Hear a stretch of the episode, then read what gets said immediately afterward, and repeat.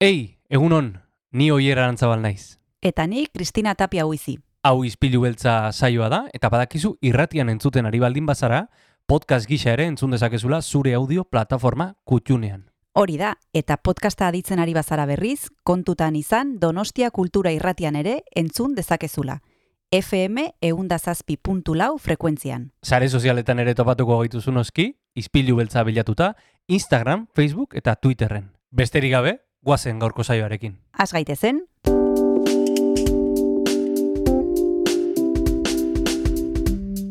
Ispilu beltza. Donostiako kulturaren berri, Oyer Arantzabal eta Kristina Tapia buizirekin. Egun honen zule, urriak hogeita lau ditu astelena da eta hementxe zaude Donostia Kultura Irratian, ispilu beltza astera doalako. Eta ispilu beltza astera doanean, Kristina eta biok elkartzen gara. Egunon, Kristina? egunon oier, zer modu zabiltza? Ondo, ondo. Esaten dugu ispilu beltzarekin elkartzen gara, baina bestela ere bai, ezta? Bai, askoten elkartzen gara, hori da alankide eta lagun izatea. Hori da, hori da.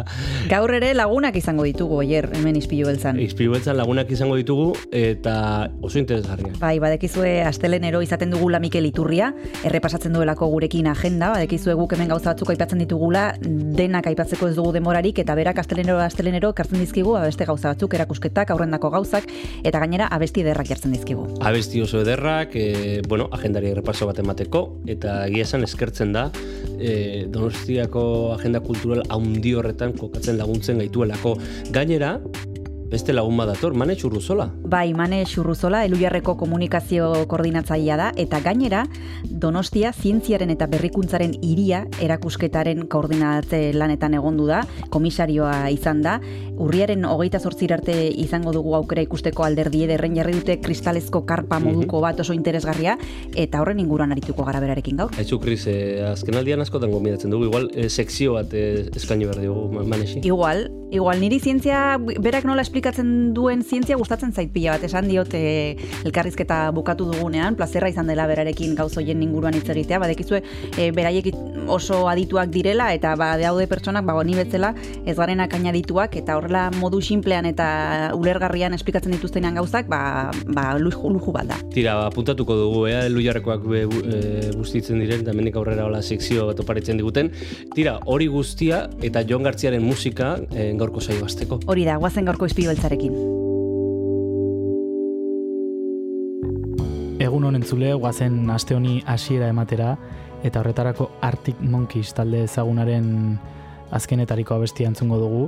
Izan ere diskoa aurkeztuko dute gutxi barru, Dekar izeneko diskoa, eta hau da lehen aurrerapen abestia, There Better Be a Mirror Ball izeneko kantua.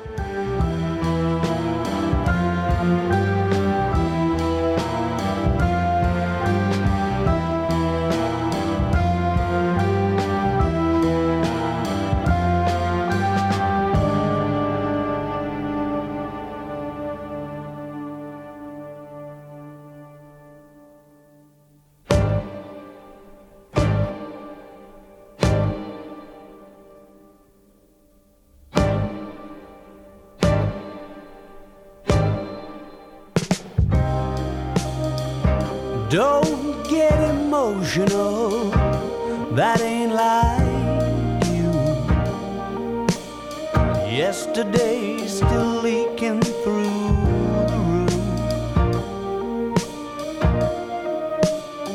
But that's nothing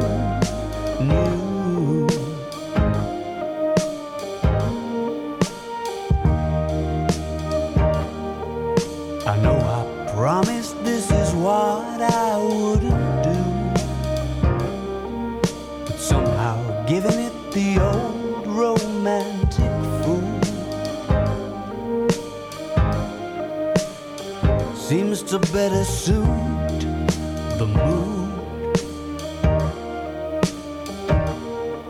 So if you wanna walk me to the car, you ought to know I'll have a heavy heart.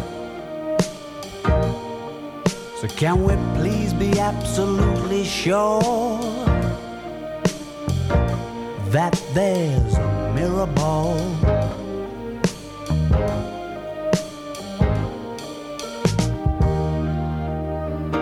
You're getting cynical, and that won't do. I'd throw the rose tint back on the exploded view. Darling, if I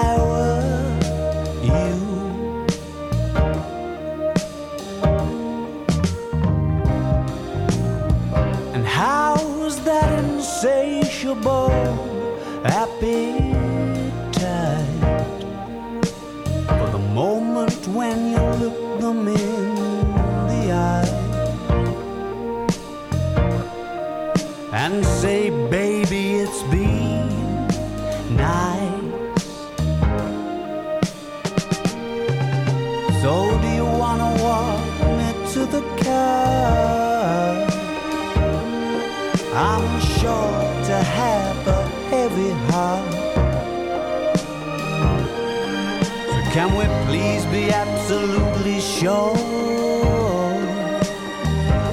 that there's a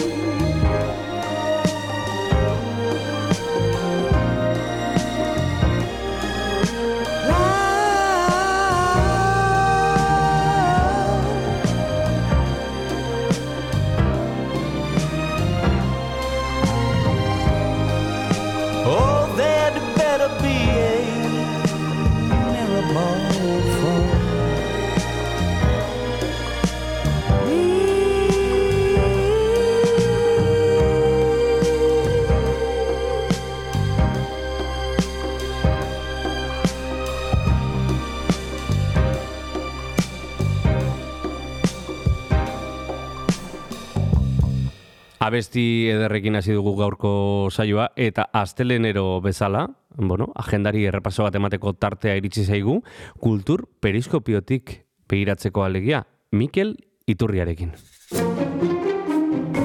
Kultur periskopioa. Eguno Mikel zer moduz? Egunon, ondo esan beharko. Dan ondo? Bai, Ondo antxea? bai, bai, ez geha kejatuko, Bueno, bueno.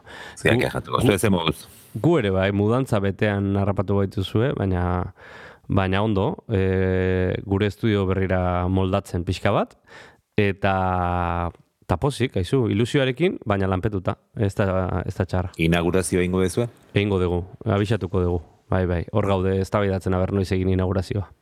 Bai, hori de fetxa edo data aukeratzea ez da lan erraza izango. Ez da, ez da, baina bueno, topatuko dugu tartea, eta Mikel Zulazai enteratuko zeateta. Bai, Eh, non, sare, sare sozialetatik adibidez. a, e, ba, abisatuko izu, sare sozialetik baino personalki. Bai, Bueno, telegrama biali. hori da, hori da. Buro- Burofax bat ez dela. Hori da, hori da, hori da. Mikel, e, suposatzen dut, beti bezala antzerkiarekin hasiko garela? Bai, baino kontuan hartu behar, kontuan hartu, e, datorren e, hilaren hogeita maikan, Bai. ez degula saiorik izango, zubi Ako, eta orduan ningo dugu bi asteko mm, zera bater e, bista izo bat edo botako dugu eta bi aste. Ondo. Antzerkiarekin hasiko bea, aurreko astean aipatu genuen e, ondamendia, arte drama eta xuten proiektu berria, Bai. eta gogoratu aste honetan ere, ostiraletik larun batera, hogeita zortzitik hogeita marrera, ba, egiako gaztestenan e, iru saio, iru emanaldi izango ditugula, badakizue zaborra dutela e, ba, ba, metafora gisa erabiltzen dute, eta zaldibarko zabortegiaren Luizia abia puntu hartuta, ba, hortikan abiatzen dela antzeslan, haze, antzeslana. e, e, esan bezala oier, hiru aukera, egia kulturetxean, eta, bueno, ba, hausi. Hiru aukera hoiek, e, lengo astean hitz egin genuen Simurfuk egin e, e, ondo esan duzun bezala, eta gogoratuko dugu bide batez, e, ispilu beltzaren saioak e, entzungai daudela, saio asko dagoeneko, entzungai daudela bai irratia.donostiakultura.eusen, eta baita ere, ba, bueno, e, audioak entzuteko darabiltzun dena delako e, plataforman, Orain e, jarraituko dugu arte zenikoekin, baina antzerkitik dantzara egingo dugu salto. Egingo, dugu- egingo dugu dantza pixarra, ez Euskaldunok ere fama txarra dugu, dantzari ba, ez oso ona garelako, edo behintzat kubatarrak ez bezain fin edo afrikarrak bezain onak. Baina, bueno, hori atera gaitezen jardin honetatik. Esan ez ostegunean, hilako gaita zazpi Vitoria Eugenia Kluben, egungo da entxegu irekia, argia zarita aldearen entxegu irekia, Martin Zalakainena. E, tamalez ja da ez dago tokiri, ze banateko zeden gonbidapen guztiak banatu dira, Vitoria Eugenia Klub txikia da, ba, egun bat langurentzeko areto bat da, eta tita banatu da. E, banatu dira zeak. E, gonbidapenak. E, bestalde, egiako gazte estenan, azauraren bostian, larun batean, digintzeko zazpiterdietan, ahatik izango dugu, e, ur bizitan izeneko ikuskizuna, ba, dantza garrikidea, zuzeneko musika eta u- hitza uztartzen dituen e, zea, sormen berria daukate, amargarren urte urrena ospatzeko, eta dirudienez abia puntua da Donostiako familia baserritar baten kontakizunak edo bultzatu omen zituen, konpainia sorkuntzaren bidaia honetan, eta okerrezpanago, aste azkenean izango dugu, honi buruz izketan norbait e, irratsaio honetan, ez da? Ur bizitanen inguruan hitz egingo dugu aiert beobide, bertako sortzaileak, oso, oso proiektu interesgarria zalantzari gabe, eta bai, e, ba, azkenean izango dugu e, ispilu beltzean protagonistarekin hitz egiteko parada e, beti bezala. E, guazen e, abesti batekin. Musika. Bai, musika pixkat. Bai. Ba, lehen aipatu dugu dantza, eta nire itorri zaitza, zait burura abia, a bailar la cumbia, Lorena Alvarez abeslaria. Bagizu, azken boladan gutxitan elkarrizketatzen duzu norka txapuso eta norbait jarri beharko du merengue eta kumbia eta gauzak. Arrazoi, arrazoi, Mikel, guazen dantza pixkat egitera. Lorena Álvarez, a bailar la cumbia.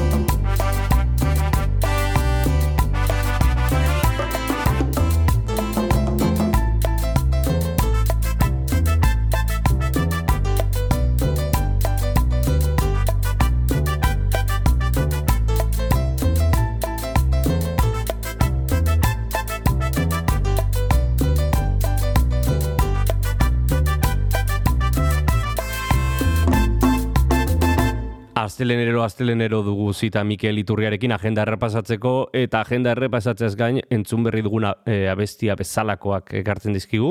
A bailar la cumbia Loren Alvarezena entzun dugu ederra benetan eta balioko digu honek Mikel musikara musikaren alorrera joateko. Zer daukagu musikan? Bueno, bazen abes batzen astea izango dugu, e, bost emanaldi izango ditugu, bihartik, urriako hogeita bost, azauraren laura arte, e, bakizue Tolosako abes batzen lehiaketa, nazioarteko lehiaketa hori ospatzen dela, jokatzen dela Tolosan, eta Donostia Kulturak horko talde batzuk Tolosako ekinbide etxearekin batera, ba Donostiara ekarriko ditu.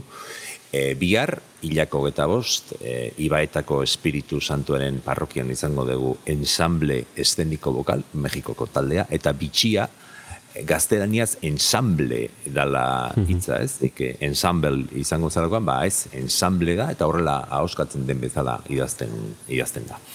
Ostegunean, altzako San Martzial parrokian Sofia eh, Chamber Choir edo, Ukrainako talde bat, datorren astelenean e, hilako gita maika groseko San Ignacio eh, parrokian kasu honetan Poloniako abesbatza, Padereuski, Hilaren bian, azorenen bian, asteazkenean Loiolako Jesusen bihotzan Letoniatik etorteako dismaska, eta bukatzeko azarren lauan, e, Amarako Karmeliten elizan, e, Estoniako Musamari e, taldea, emakumezko edo gazte nesken e, talde bada, eta eta hauxe, e, bost e, saio hauek, donostian musika koralaz gozatzeko aukera. Guazen orain e, azaroaren bostera, e, Dorianek disko aurkezten duelako. Hori da, ritual aurkeztuko du, esate dute izaera kosmopolita duen albuma eta oiko pop musikaren parametroak hankaz gora jarri nahi dituela Europaren eta Amerikaren arteko musika elkarrizketa, bueno, bakizu, ze eh, Literatura. saldu, saldu beharra dago eta bueno, pues, pues hori horrela saltzen dute beraiek beren produktua. Azaroren bostean ere, dekluba zirkuitaren barruan, intxaurrondon zazpietan kutisik jaialdia balio dute kolektiboak antolatu du, bertako tokiko artistei ba, mateko be, ba, bueno, balioan jartzeko edo, iz hori, espresio hori ez da oso Hori ere da saltzeko modu bat ere, ez? saltzeko modu bada eta askotan esaten da, baina bueno, ez dakit, eh, igual beste gauza bat, eh, esan, balio ematea da kontua, eta aukera ematea, eta hainbat eh, jende dago, Neu Troia, Gilda, Moare, Lumi, Mise, eta Joseba B. Lenuar ere izango dira kontzertuan, eta hmm. ere, hornen berri emango digu norbaitek, ez da, astian zehar edo datorren astian. Hori da, e, beti saiatzen gara ba, gonbidatuak bertan izaten, da kasu honetan Andoniola etxea izango dugu e, kutixi jaialdiaren inguruan hitz egiteko. Os, oso ondo, ba, Andoni Ola etxea izango dugu, e, hilaren iruan, okorrezpanago, e, honi buruz e, izketan. hori da. Azkenik, larun batean horretan ere, e,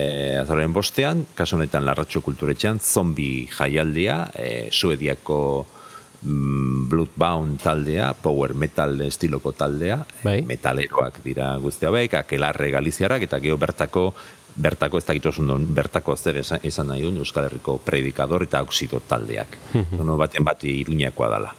Eta hoxe, musikan esateko nuena, oier? Primeran, musika errepasatu dugu, orain, literaturara joango gara, era hor, gauza gehiago daitugu, ez? Bai, hemen baditugu gauza pila. Gaur bertan, ikasbide kulture elkartean zazpietan, nerea loiolaren epizentroaz, Euskarazko literatur solasaldia, edu zabalak dinamizatzen du. Gero aipatuko dugu, liburuaren e, eguneko jarduera nagusia, gaur baita, liburutegien eguna, baina e, Tomasenen seietan egongo da literatur solasaldi e, ireki bat. Osea, e, literatur saio irekia. Jendek e, irakurtzeko saio irakurtzeko aukera izango du e, publikoan, Ana Merinok den laguntza zautatuko dira euskarazko eta gaztelaniazko pasarteak, eta, bueno, pues gaur e, seietan Tomas hemen. E, bihar librutegin eguneko beste jarduera bat, e, urriako eta pos, aste artea, San Jeronimo aretan, Angel Estebanen el escritor en un paraíso, eta bertan egongo da, idazlea, eta Amaia Garziak e, gidatuko du saioa. E, liburu aurkezpena asteazkenean egia kulturetxean zazpietan Liz Evermore egilea bertan egongo da eta El Hotel Ferguson aurkeztuko digu.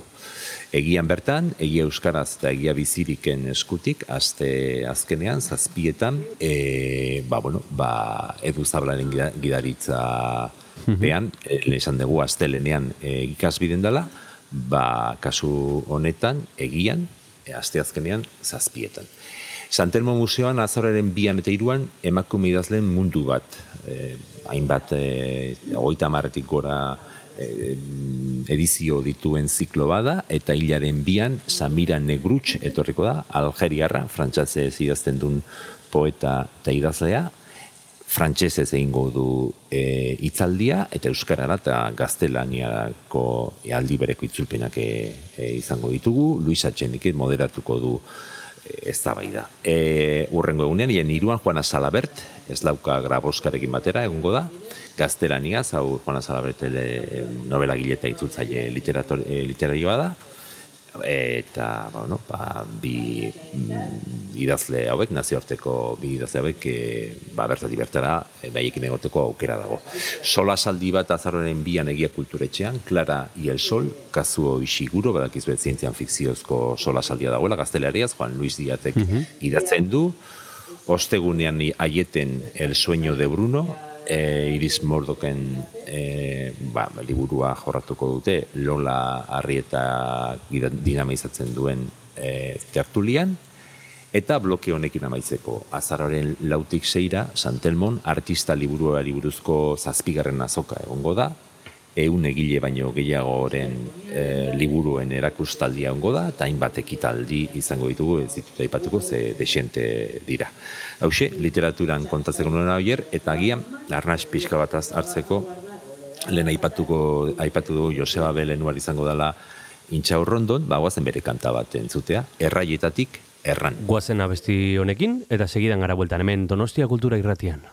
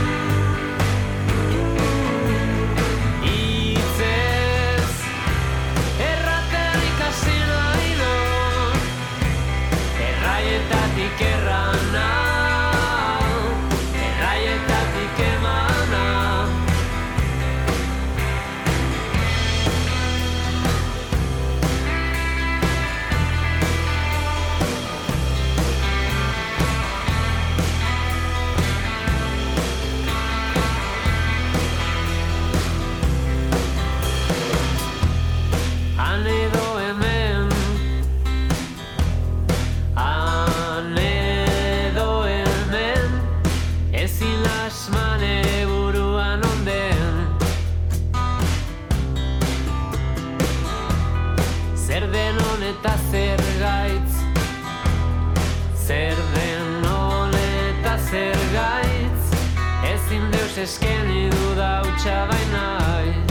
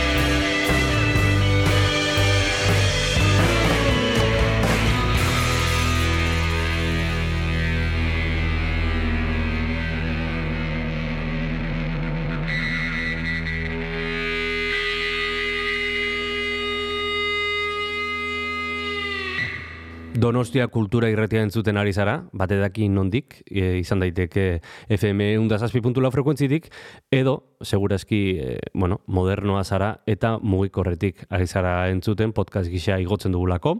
Joseba Bele Nuarren erraietatik abestia entzun duzu orentxe, eta orain jarraituko dugu ba, agendari errepaso ematen, Mikel, erakusketekin. Bai, erakusketa batzuk eh, bere bidea, erakusketa batzuk bere bidea al bulkatuko dute eta beste batzuk hasiko dira. Bukatuko direnen artean, urriaren hogeita ma- marrean amaituko da Santelmo Museoko laborategian uztailetik ikusgai ondako argazki liburu buruzko hiru bider lau orain eh, ar- eh, erakusketa, Jon Kazenabe komisario lanetan e, ibili den erakusketa hau. Okendo kulturetxean azaroren sortzian e, bukatuko zaigu Luis Gaska komikia eta zinema izeneko erakusketa.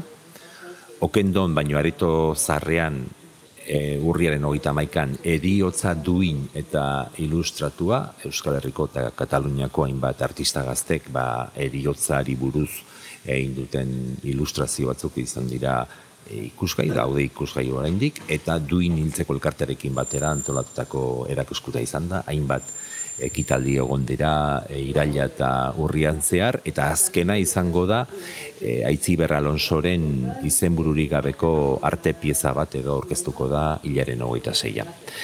Beldurrezko astearekin lotura du lehen aipatutako Luis Gaskarenak eta baita ondorengo bi hauek ere. Arantza Sestaio izango da alderdi ederren liburutegi nagusian, urriaren hogeita zortzitik azaroren emeretzian, Euskadi Fantastikoa, bertako e, ze ilustratzaile baten zaile aukera, eta Arantza Sestaio da aurten izango deguna. Eta gero San Jeronimon, urriaren hogeita zortzitik azaroren amairura, Fuego Fatuo, eh, Álvaro Errantzen eh, balanak edo ikusteko, beti eh, gizon hau Bartzelonakoa da, eh, Fuego Fatuo art izenpean, ba, urteak daramatza izaki, hola mitoak eta kondairekiko mm, izaki horien korpuzten, ba, beak dakoan estudio txiki batean. Eta hau dia, bost erakusketa aipatu ditugu, eta, bueno, pues... Eh, pues Ez dira gutxi. Bai, Ez dira gutxi. Tira, e, aurrera egingo dugu, baina lehenengo tarte bat hartuko dugu. Segidan gara bueltan.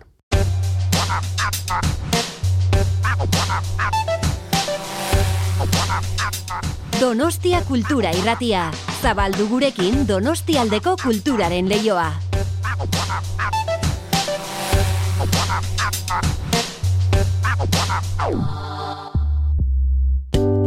Gogoratu, ispilu beltza entzuten ari zarela, Donostia Kultura irratian. Baina nahieran ere topatu dezakezula podcast gisa gure saioa. Edozein audio plataformatan arpidetu eta oieraran zabal eta biok asko eskertuko dizugu. Orain jarrai dezala saioak. Agendari errepasoa ematen ari gara, e, eta erritmo ederrean ematen ere. E, pentsamendua eta gogo eta izeneko atalera egingo dugu orain, hitzaldiak, mainguruak eta bar, ez da, Mikel? Hori da, ba, guazen begiratzea, zu pentsa, asko pentsatze duzu oier. Batzutan, bai, e, ba, bueno, pentsatu e, ez modu, ez dakit, ba, buruari buelta asko emate dizkiot, bai. Ez dakit onerako, ala txarrerako den, baina, Bueno, ba, kizu, batzutan unerako eta beste batzutan txarrerako. bai. Boazen pentsamendu eta gogo eta bloke honetan badaukagu liburutari, liburutegiaren eguna, lehen aipatu deguna, beraz, gaur, e, liburutegiaren eguna bali ba, zoriondu beharko ditu liburuzain guztiak, ez da? Ba, bueno, pues, hemendikan zorionak e, guztiei. E, eta nuen arira, hainbat ekitaldi antolatu da, lehen aipatu ditugu batzuk, eta mm, hola, nagusia da jardunaldi profesionala, gau go- goizeko behatzi terpitatik Vitorio Eugenia Kluben joera berriak liburutegietan, e, batez ere hiru hitzaldi nagusi daude, bata Bartzelonako diputazioko e, liburutegi zen zerbitzutako gerentea, Marta Cano, Frantziatik Saua Biblio e, departamentuko ba, liburutegi arduraduna eta ezitzaile den Aureli Bertrand, eta gero Alakanteko Unibertsitateko liburutegiko zuzendaria Jose Pablo Gallo, esan bezala, joera berriak liburutegietan hori da gaia, eta horretaz aituko dira gaur egunean zehar Vitoria Eugenia Kluben. E, gaur ere, atzaldeko zazpietan, okendo kulturetxean. E, aurreko astean aipatu genuen goldatu elkarteak e, ba, ziklo moduko bi itzaldi antolatu zituela, memoria historiak buruz, gaur, Aitor Esteban egongo da, ba, impunitatea eta sekretu ofizialen legea, ba, horri buruz e, berbetan. Bihar aste artea, Santelmon, mm, la Belosoles de Orbea, e, bueno, ba, orbearen belosolez adiburuzko itzaldiak ibilbide historiko bat aurkeztuko digu, ba, mm, oigarren mendea ziren Solex enpresaren jaiozatik, ba, e, mila behatzirun talarroita arte, Frantzian fabrikatzeari utzi zitzaion arte edo, ba, ba hori, ibilbide hori errepesatuko du, eta gogoratu Orbeako Belosolosa Santelmo Museoko erakusketa irankorrean dagoela e, ik, e, ikusgai. Beste hitzaldi bat bihar bertan, baina errezu kulturetxean gaztelaniaz, nano euroari buruz Aitzol Garzia Etxarri, Donostia International Physics Centerrek antolatutako erakusketa bat, e, erakusketa ez, hitzaldi bat da, nanozientzia e, alor horretan. Aste azkenean omenaldia ingo diote Elbira Zipitriari, ba, em, Aider Oleagaren muga deitzen da pausua dokumentala proiektatuko da, eta laso basaldia. E, bagera elkarteak eta Elbira Zipitriaren hainbat ikasle e, izandakoek edo antolatu dute. Osteunean, agoraka 2000 berroita mar barruan Santelmon beste itzaldi bat, klima aldaketa eta elikadura, e, Iker Aranjuelo, Guillermo Roa eta Maia Aierbe izango ditugu. Gero, amaitzeko ostegunean, behatzitatik ordu da, Santelmon, Euskara Bildua, amaika garren jardunaldia, teknologia eta teknologia eta komunikazioa, argia aldizkaria, iametza, akizue hauek e, ba, mazate e, hainbat edizio, honi buruz e, jardunaldiak e, antolatzen, ba, bueno, ba, ostegunean, behatzitatik ordu bietara, Santelmon. Eta hause, ba, pentsamendua eta go eta bloke honek edo nabarmentzeko edo utzi diguna. bueno, honen bestez iristen ari gara amaierara, eta amaierarako usten dugu beti, aurrak dituzten familientzako plana, ezta? E, zer dugu e, datozen astetan? Bueno, planen bat edo bilatuko dizut oier. Oso ondo. Au, ba, eta aukera emango dizkizut, e, gaur bertan adibidez intxaurreton seietan, korri kuru korri, aurantzerkia euskaraz, pantzarten eskutik, Larun batean bostetan pelikula bat izango duzu, Gaztelania zaieten, Monstruos S.A. Ordu eta egun berean, baina Santelmon, Aran Sante Mariak Euskarazko Artista Talerra, paperezko museoak, bos urtetik orako horrentzat. Larun batean lugaritzen e, ikuskizun bat, amaia irazabalen eskutik, oiar bat dago zure telatuan, ez dakiz zurean ba, ote dagoen oiarrik, oier, baina, Orainez, bueno, orainez, baina inguruetan bai. Vale, oso ondo. Ba, ora, jai, e, esnatzeko eto balioko dizu. E, kasu honetan antzerkia, txotxongiloak eta teknologia berriak edo bateratzen ditu. Astelenean, altzako samartzian plazan, altzako gau beltza, ba, ohitura zarrak berreskuratzeko, mm, halako festa bat antolatu dute, ez da hau ekitaldi bakarra, zeilaren hogeita zortzean kalabaza ustuketa tailerra egongo da, eta igandean, hilako hogeita mar, larratxo kulturetxean plaza abordaia. E, ba, altzako hainbat ikastetxe, eta Bai. elkartek antolatu dute, Donostia kulturarekin batera, eta hause gaur kontatzeko, nuena oier ze. Tira, ez da gauza gutxi eta ez dira, bueno, gauza makalak, e, aipatu ditugunak, errepasatu nahi badituzu atzera egin podcastean eta entzun izango dituzu, edo nahi baldin baduzu sartu Donostia Kulturaren webgune berrituan, donostiakultura.eusen, bertan informazio guztua duzu eskura entzule, Eta beti gomendatu ohi dugu baita ere nola ez, Donostia, Donostia Kultura jarraitzea sare sozialetan, bereziki abildua Donostia Kulturan Twitterren. Eta hau guztia esan da, agur esango dizugu Mikel, baina ez aurretik eh, abesti bat eskatu gabe. Bai, ba, adibidez, eh, Rafael Berrio zenaren omenezko disko bat argitaratu da urrian, La vida que amo, un tributo a Rafael Berrio, Madril, Madrileko, bueno, ba, ez goratzen oso ondo zein dan multinazional batek atera du, baina, bueno, proiektu txukuna ematen du. Eta gehien gustatu zaidana izan da Fino Jonarteren kanta bat, simulakro, eta, bueno, ba, nik hoxe jarriko dizuet, aio aio esateko. Guazen simulakroarekin eta gogoan Rafael Berrio eskerrik asko Mikel eta atorren aste arte ez, urrengor arte. Hori da, zaroaren hasieran egongo gea. Aio, Agur agur.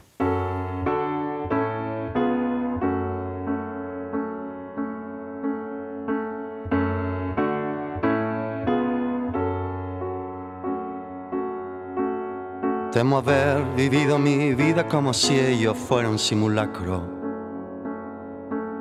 como si yo tuviera el don de vivir por mí dos veces. De haber dejado a un lado la que importa en prenda de una vez futura. Y haber malgastado en borradores la presente.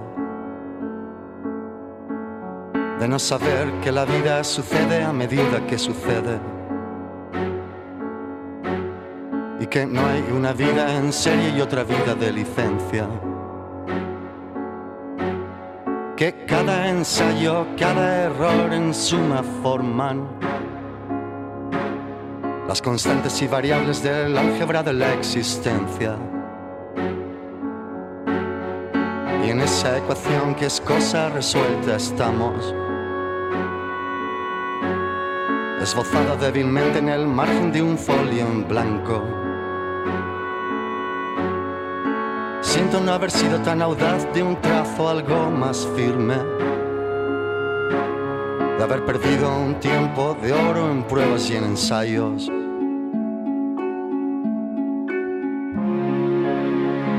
Y ahora es tarde.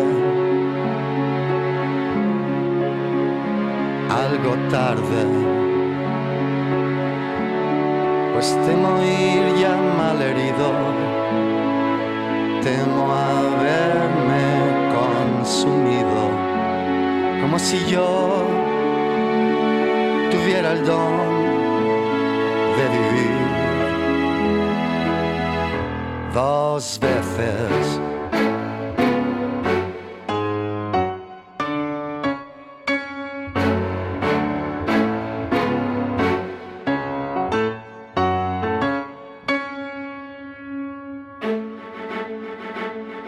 Temo haber vivido mi vida como si ello fuera un simulacro. Y he sido un mal actor confiando en la noche del estreno. Pero qué vida será la que prolongue o dé segundas funciones. Si en ella todo es rol improvisado y relleno. Haberme pasado la vida reuniendo el valor que me falta y declarando intenciones solemnes frente a un espejo. Dejando las cosas para una mejor ocasión que no llega. En el fondo he estado siempre en Babia con la mente muy lejos.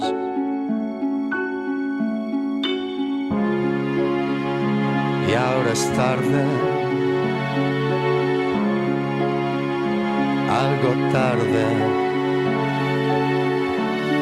Pues temo ir ya malherido, temo haberme consumido, como si yo tuviera el don de vivir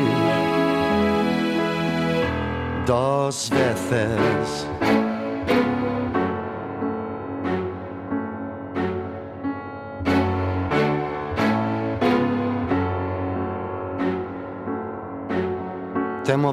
Vivido mi vida como si ello fuera un simulacro.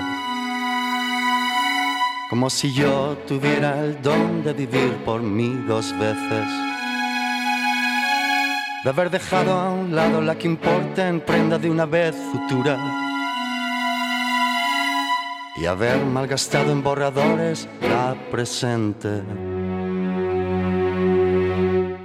Ezaguna egingo zaizu entzule Eluiar, Eluiar e, zientzia eta ikerketara e, bueno, e, zuzendutako elkarte bat da, eta gaur bertako komunikazio arduraduna izango dugu Manix Urruzola. Bai, komunikazio arduraduna eta gainera kasu hontan gonbidatu dugu erakusketa baten komisarioa izan delako. Erakusketak izena du Donostia zientziaren eta berrikuntzaren hiria eta alderdi ederren kristalezko etxetxo bat jarri dute eta bertan esplikatuko digute zergatik den Donostia hain garrantzitsua zientzian eta berrikuntzan. Hori guztia jarraian hemen izpilu beltzen.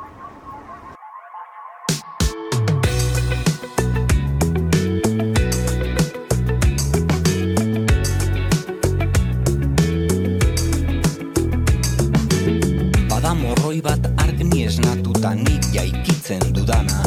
Eguneroko bizitzarako erabilgarri zaidana.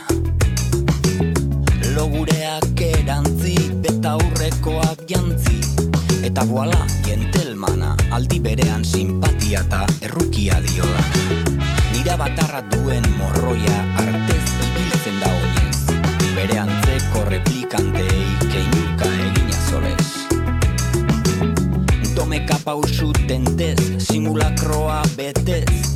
Ordoa aurpegi honez, nik ekin nahi ez ditudan lanak egitera nire ordez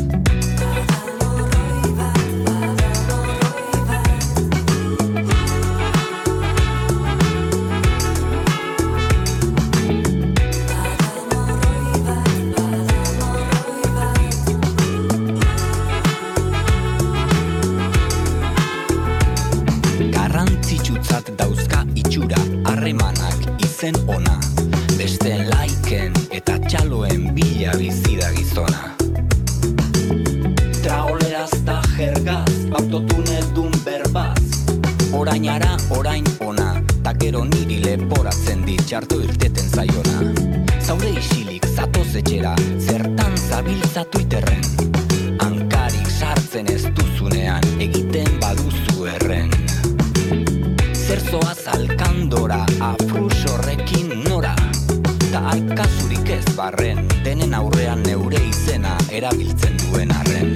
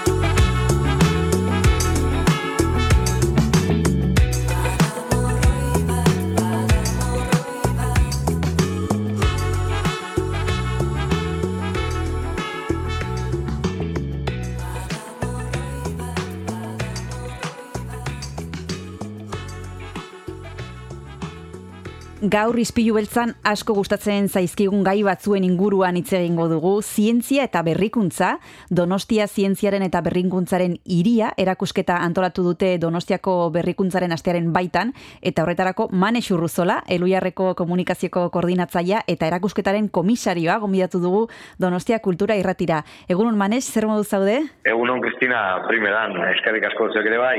Oso ondo, zurekin hitz egiteko gogoarekin badekizuen zientzia gustatzen zaigula, normalen ez zaigu tokatzen zientziari buruz aritzea, beti kulturaren inguruan aritzen gara, eta gaurkoan gaia polita izango dugu eskuartean, eta nahiko genuke asteko eh, manes eh, esplikatzea eh, erikus, erakusketaren izena aipatu dugu, Donostia zientziaren eta berrikuntzaren iria, zer aurkituko dugu erakusketa honetan? Bueno, azteko agian kokatzeagatik, eh, erakusketa hau kokatzen da Donostia sustapenak eh, antolatzen duen eh, berrikuntzaren astean, edo Aha. week-in deitzen dioten horretan. Eta orduan, aste osoan zehar, ba, ekintza pilo bat eh, antolatuta daude, eh, itzaldiak, eh, aurkezpenak, eh, parte hartzeko saioak eta bat, Mhm. Eta besteak beste, ba, aste osoan zehar izango dugu eh, Donostiako alderdi ederren, eh, alako, bueno, kristalezko karpa dotore baten barruan, ba, ba erakusketa. hau. Mhm.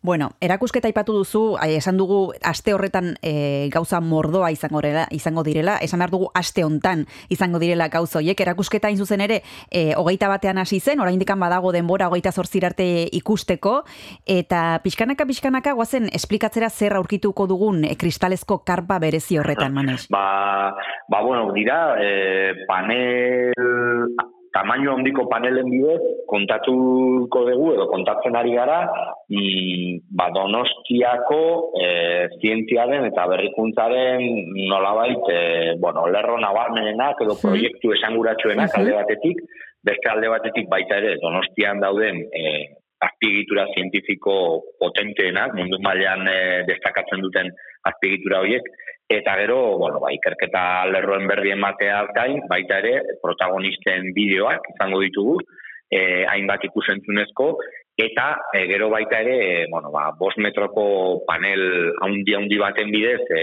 saiatu gara erakusten, pixka bat, irian e, zientziak eta berrikuntzak izan duten evoluzioa, azkeneko hogeita bost, hogeita marrute hauetan. Mhm. Labur-labur esan da, hoxe.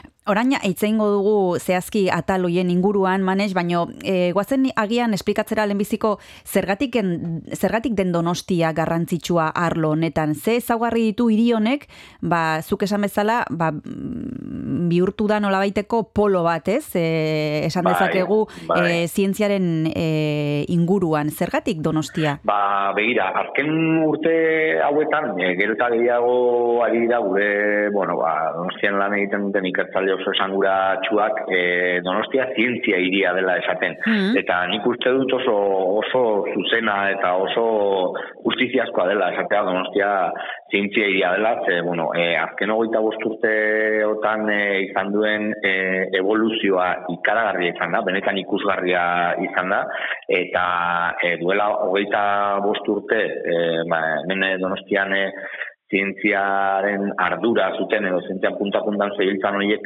zuten ikuspegia iaia fantasiazkoa zen Hmm. eta eta gaur egun hogeita bost urte beranduago e, izan duen garapenak eta evoluzioak, bueno, ba, e, prebisiorik optimistenak ere gainditu, gainditu ditu, ezka, eta beraiek horrela onartzen dute. Eta zergatik den, ba, bueno, ba, hain ikustetan hainbat arrazoigatik, alde batetik, e, donostia, e, bueno, tamaina hartaineko edo hiri txikia izan da, ba, ba, zientzialari pila bat ditulako. Hori azteko, e, berrogei herrialde baino gehiagotako, bos mila ikertzale baino gehiago daude Wow. donostian lanean, modu batean edo bestean. Mhm. Horrek esan nahi du, ba, ba seguruenik eh, munduan em, biztanle kopuruarekiko proportzioan edo eunekoan, euneko handienetako bat izango duen iria eh, izango dela donostia, hori azteko ez da. Eta gero, e, bueno, beste gauza asko esan genitzake, baina, bueno, ba, bere argitalpen zientifikoen proportzioa oso altua da, bertan dauden ikerketa e, zentro eta en volumen handia da baita ere, eta gero azpiegiturak, ez da, donostian daude azpiegitura batzuk, ba, mundu mailan, bai Europa mailan eta ma- mundu mailan eh, punta, punta puntakoak direnak. Adibidez, Kristina, gure gustatzen zaigu eh, hemengo zientzialari batzuk esaten digute, eh, nanoguneren barruan, eraikin baten barruan, eta eraikin bakar baten barruan dauden eh, azpiegitura zientifiko horiek denak, eta guk pasillo bat zeharkatuta eh, ikusi ditzakegunak, horiek denak elkarrekin ikusteko Texasen bi abioi, bi hartu behar dituzu. Ostras. Bai. Batzutan ez gara konturatzen edo ez gara konsiente e, horretaz, ez? E, ba- batez ere, e, zientziatik e, urrun e, bizi garenok e, ez dugu sentitzen e, hain garrantzitsua denik e, arlo hau e, irian. Horretarako dugu erakusketa, e, hortaz konsiente izateko eta hurbiltzeko gehiago e, arlo ontara. Aipatu dugu hogeita zortzir arte, ostirale arte egongo dela e, ikusgai, manes, e, esan dugu alderdi eder, e, alderdi, alderdi ederren egongo dela, eta e, atalau e, bukatu baino lehen jakineko genuke baita ere norentzat den. E, adituak izan behar dira, e, pixka bat honen gainean, e, bueno, mm, aldez aurretik ezagutza dutenentzat, edonorentzat, Ba, nik uste dut edo norentza dela e, zalantzari gabe. Saiatu gara oso e, panel ikusgarriak egiten, diseinua asko zaindu dugu, eta gero da era, kapa desberdinak ditu erakusketa bat. Orduan, e, norberak erabaki dezake, ba, irudi nagusietan eta titular handienetan geratzea, Mm. eta horrek noski e, balio du e, titularrak oso periodistikoak dira, oso kazetaritzako titularrak dira, eta beraz, ba, norberak erabaki dezake, lehenengo kapan geratzearekin nahikoa zaion, edo bigarren kapa batean, ez da, ea, de, e, sarreratxoa edo negritazko testuak ere irakustea, eta gero, ba, bueno, ba, noski, ba, ja, interesa handia duenak, edo arlo jakin batean interesa duenak, azkenean arlo oso desberdinetaz e, hitz egiten dugu, eta agian bati ba, adimen artifiziala ikaragarri interesatzen zaio, eta neurozientziak ezain beste, edo alderantziz. Eta orduan gero norberak erabaki dezake, ba, panelean e, bukaeraino murgildu, ala baina bai, bai, nik dute, zalantzari gabe, publiko guztientzako bestela, bestela genuen gure lana ongi. Eta doan da, Manes? Bai, bai, guztiz doan da, noski. Aste osoan, e, e, karpa gauez itxe egingo da, noski, baina, baina egunez e, irekita dago eta eta bisita erabatuakoa da. Oraintxe esplikatuko dugu e, zein diren atalak, ze aipatu ditugu lehen, e, baino ez, ez ditugu esan, eta oraintxe itzuliko gara e, horrekin, baino tarte bat hartu behar dugu, deskantsu bat, eta horretarako badekizu manes, abesti bat eskatu behar dizu dara, nik ezakit ze pentsa- pentsatu duzun tarte hontarako. Ba, aspaldi ez dute entzun, e, lagunak ditudan e, Michel Duko eta Caroline Philipsen eiera larre, eta hoxe eskatuko ditut, Kristina. Ederki, bagoazen entzutera.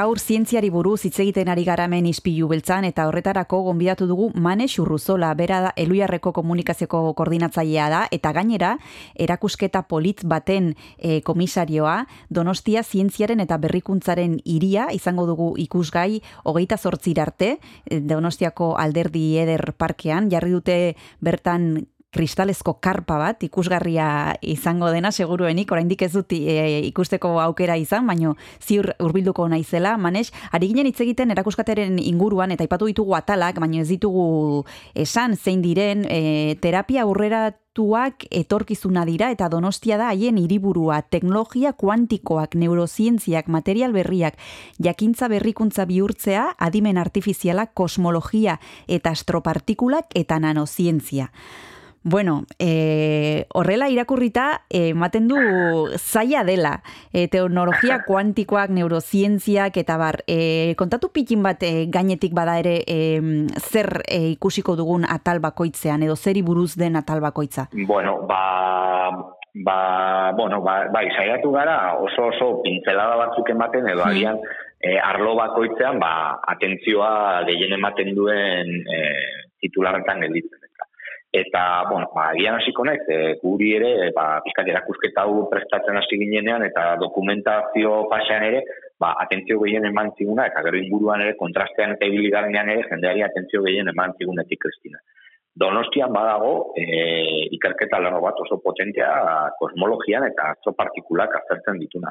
E, izatez, e, eta agian, ez da oso ezaguna hau, ez da? Donostiak e, ikerketa bat gidatzen du, ezagutzeko eh, unibertsuaren jatorria zein den. Edo edo beste bat era batera esan da zergatik den eh, unibertsoa eh, gaur egun ezagutzen dugun bezala.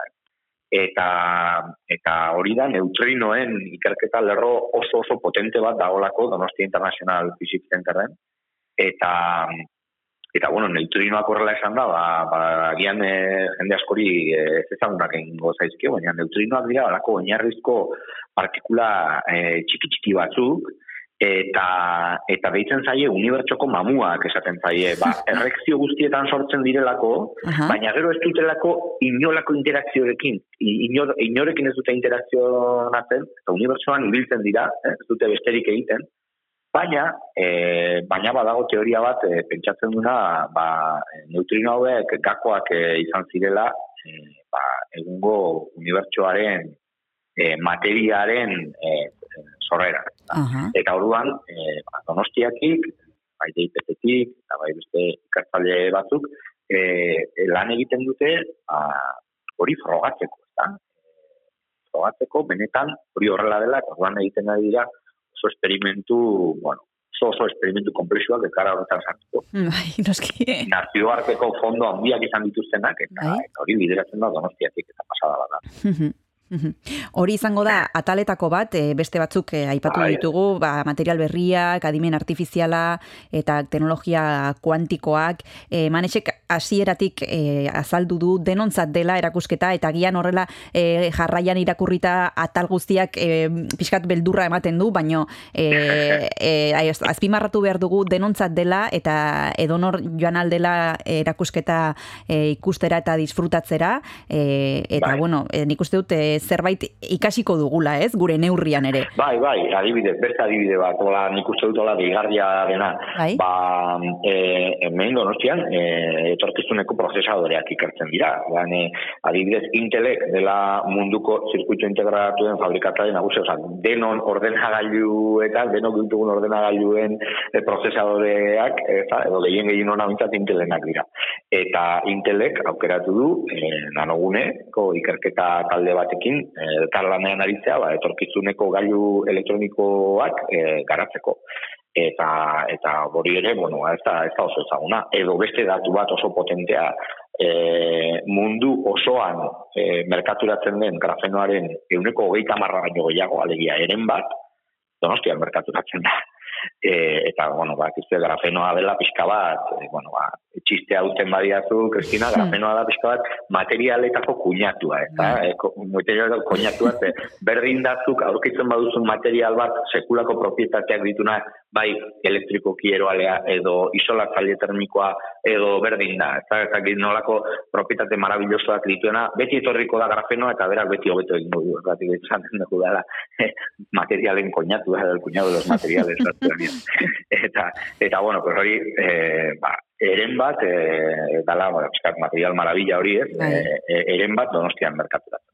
Eta horrelako, horrelako, bueno, pues, kuriosidadeak eta bitxikeriak biltzen saiatu gara Mhm. arlo guztietan. Ba, oso ondo, oraintxe jarraituko dugu e, erakusketa honen inguruan hitz egiten, manez, baino bigarren abesti bat eskatu behar dizut, bigarren deskantsu bat hartzeko, eta ezakit ze pentsatu duzun. Venga, ba, eh, zea, eh, ilobeko paritu zidaten eh, Ruper Ordorikaren azken disko asko gustatu zait, eta orduan horko eh, zide karloan abestia. Primera, bagoazen entzutera Ruper Ordorika.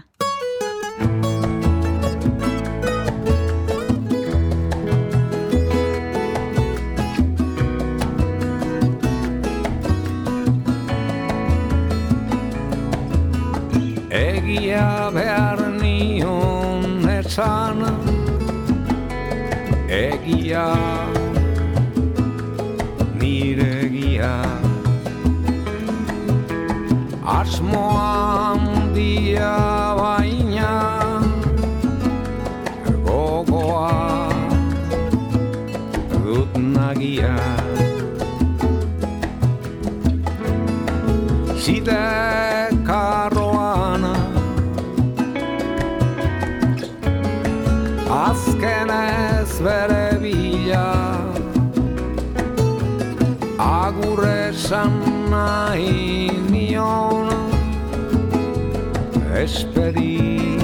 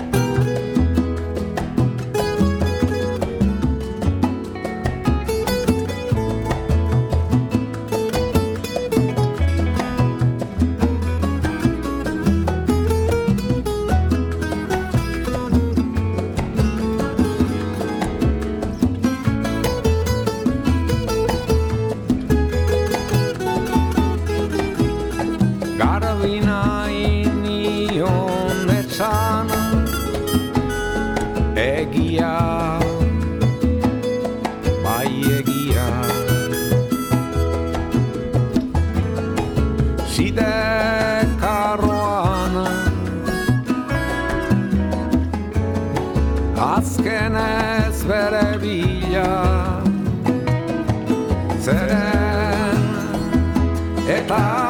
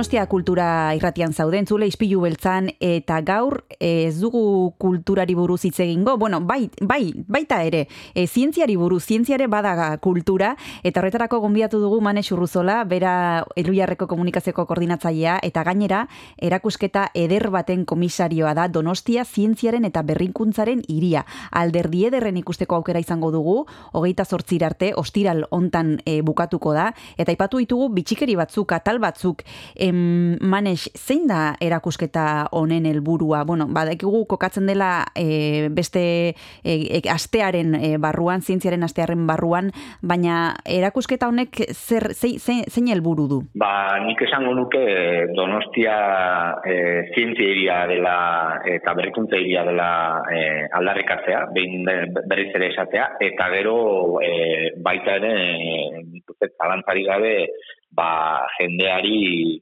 e, jakinaraztea eta jendea konstiente izatea e, hemen ze altxor ditugun, eh? Irian ze altxor ditugun, punta-puntako e, ikertzaileak ditugula, eta punta-puntako azpiegiturak ditugula. Eta hemen Donostian egiten duguna, ba, ez dela e, Cambridgeek edo Harvardek egiten duna baino e, gutxiago, eta noski Cambridge eta Harvardek e, askoz gehiago, gauza gehiago egiten dituzte, askoz handiagoak direlako.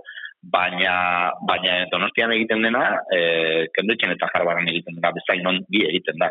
Eta hori bizkoan bai nahi dugu mezu hori mezu hori helarazi.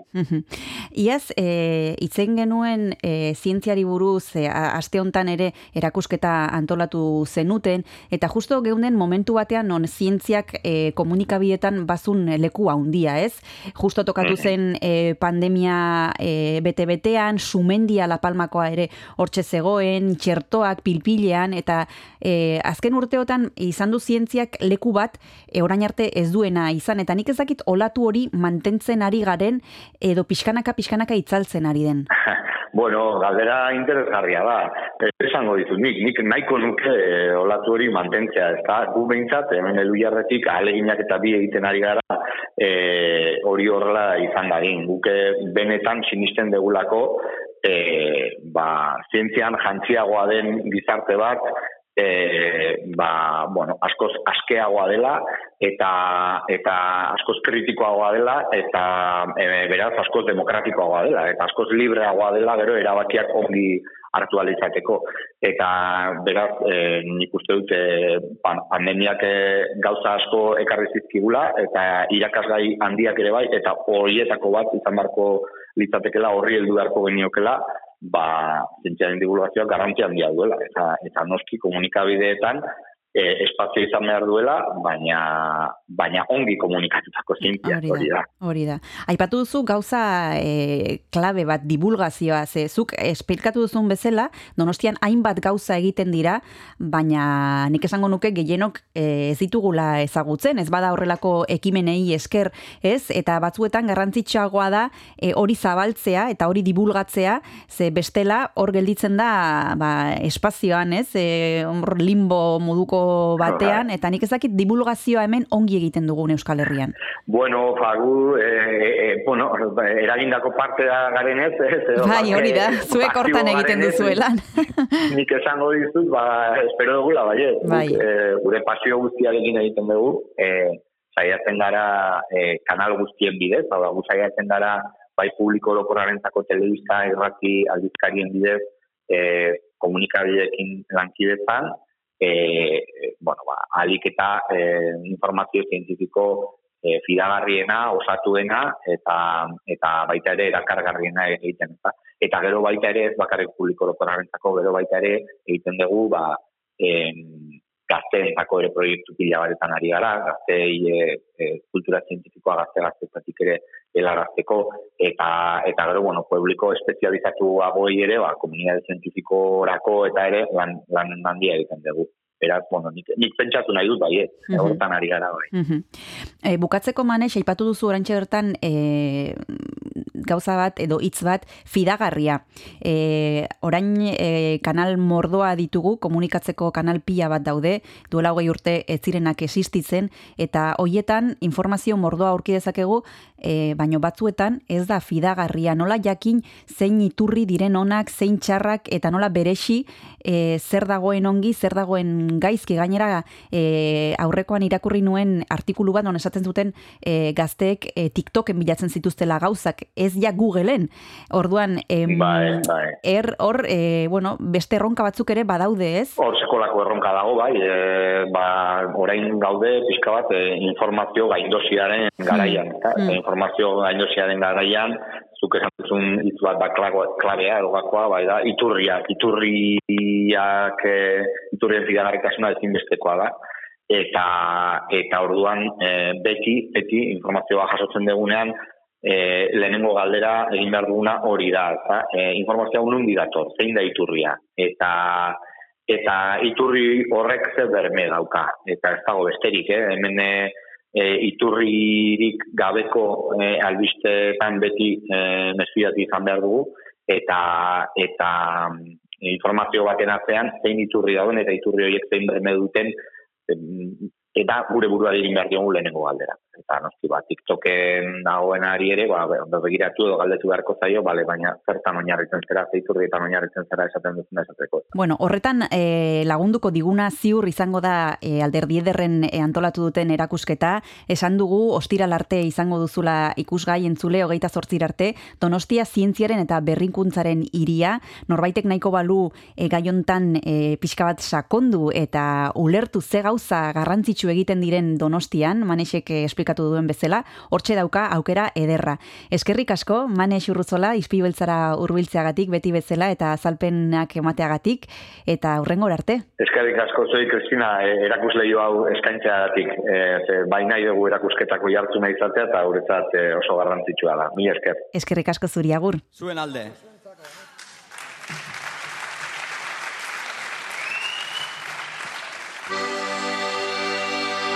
Guzti zitsuari nintzen jartzen. Historiaren tabernan.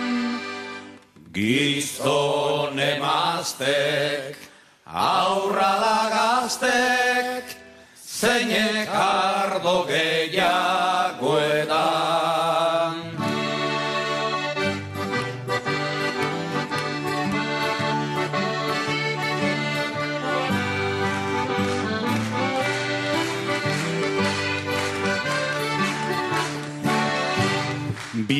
Besta dio muñagorri Marinelak boga, boga. Haupa gizonak atzarre maze Sexua gozatzeko da. Jaun baruak txori txikiari Aika mutil jeikiadi Katialdi neskazar bat tentatzen Keinuka ilargiari. Iparragirreko mediante Ukazio alegetzat. Donostiako iruda matxo Bilutxirik daudenentzat Hilda jainkoan ork dantzatuko Bote du soinutxo hori Amalau atzo trompeta jotzen Aita San Antoni hori.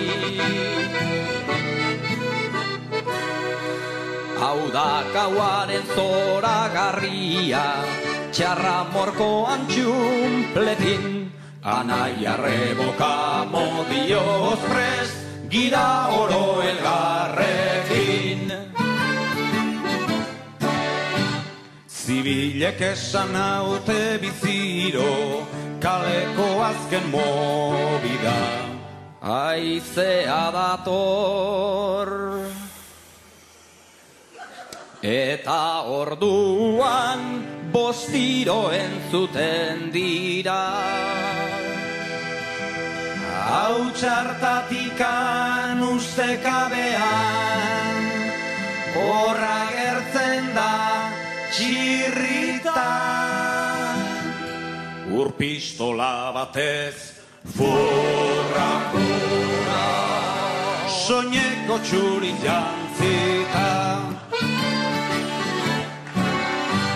Armen hartzera deitu ninduen Erre, erre trapuzarrak. Demokrazia zerri askara. Biba lengo fuero zarrak.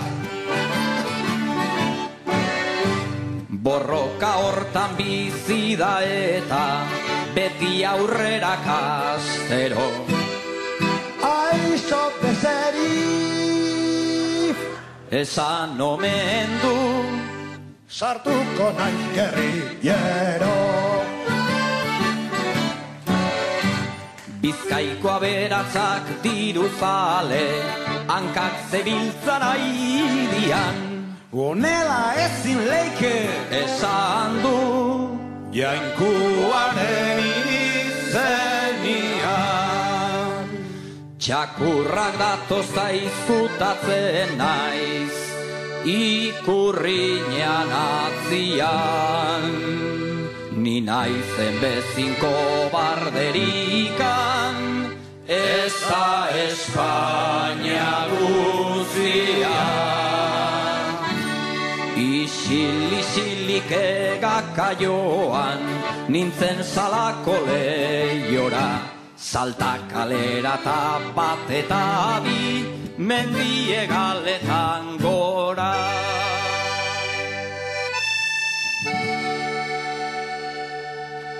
Izarren salda urdina edan da Zezen gorrita akerbeltz. Burua galtzen ari naiz eta Ez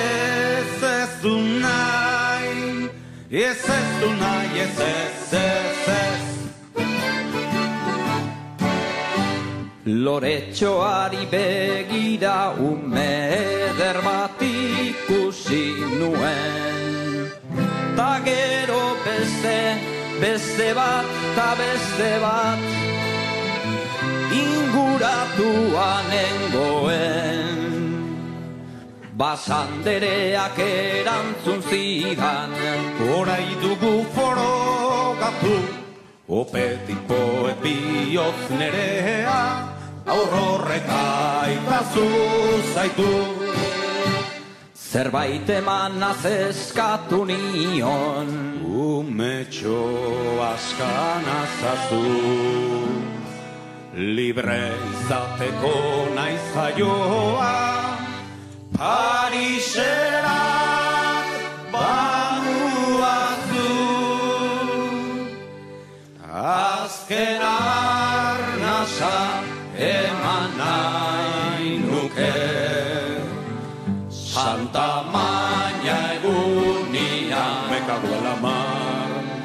Izar berri bat piztu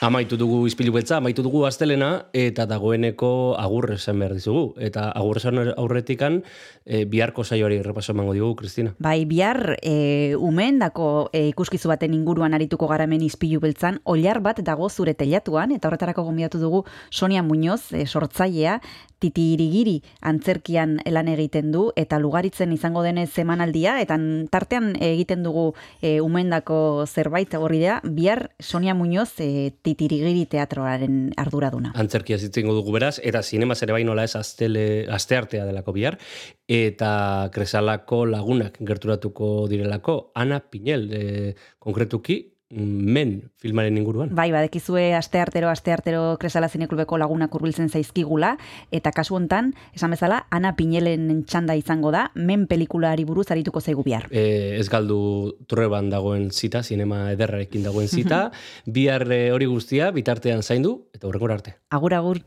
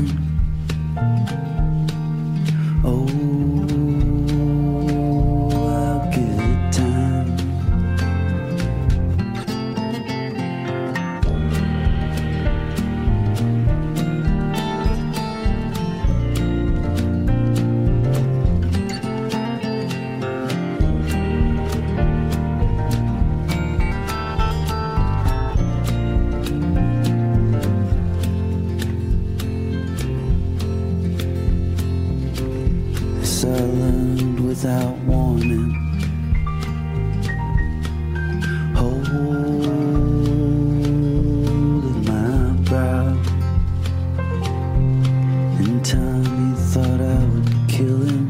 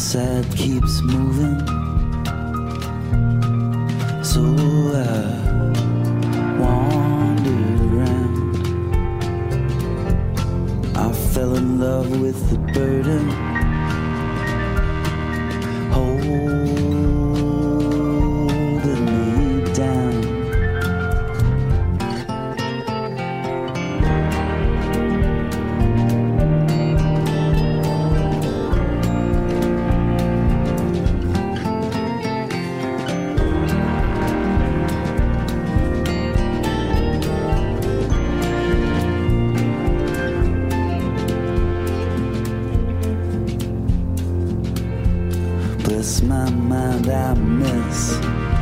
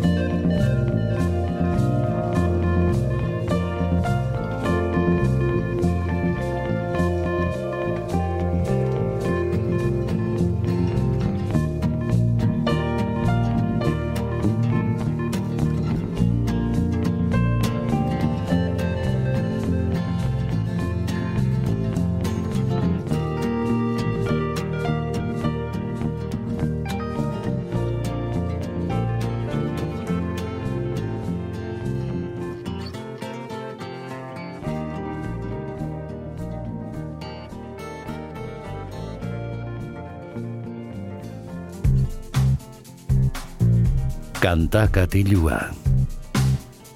Jon Gartziaren eskutik.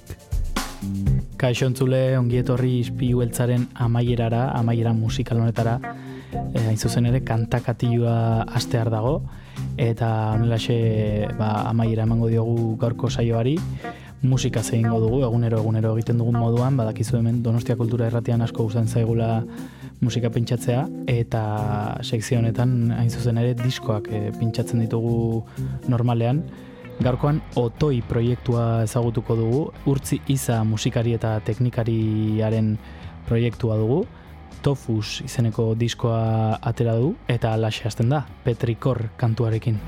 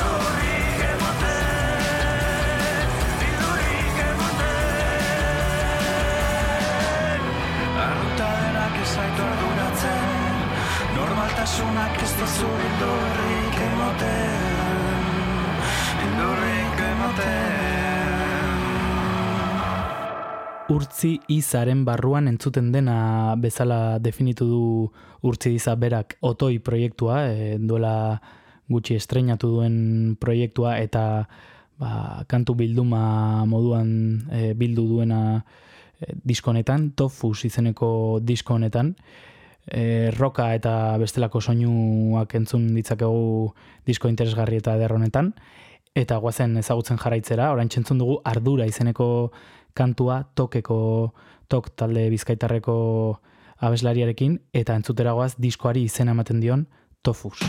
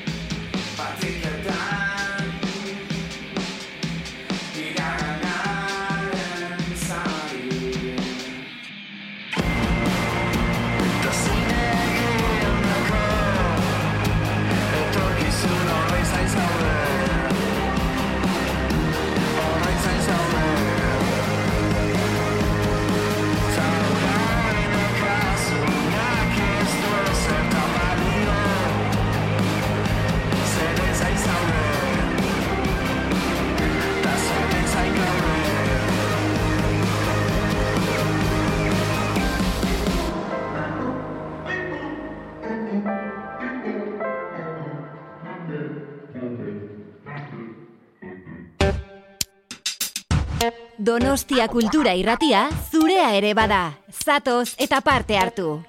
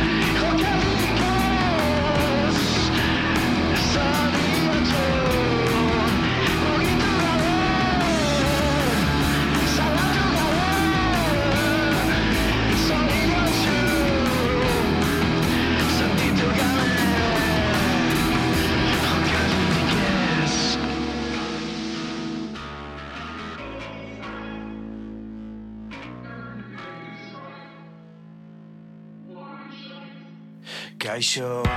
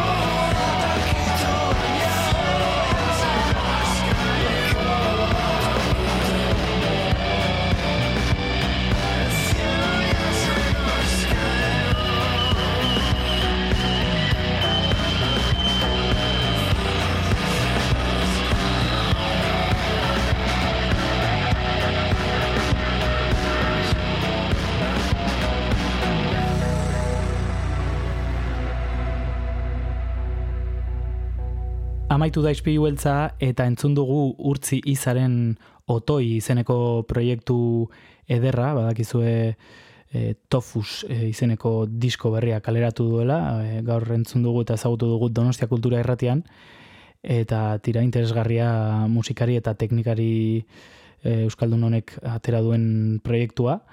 Azken abestiarekin utziko zaituztegu, leku bat aurkitu baino izeneko kantu ederra, eta bihar musika gehiagorekin izango gara bueltan, beraz, bihar arte.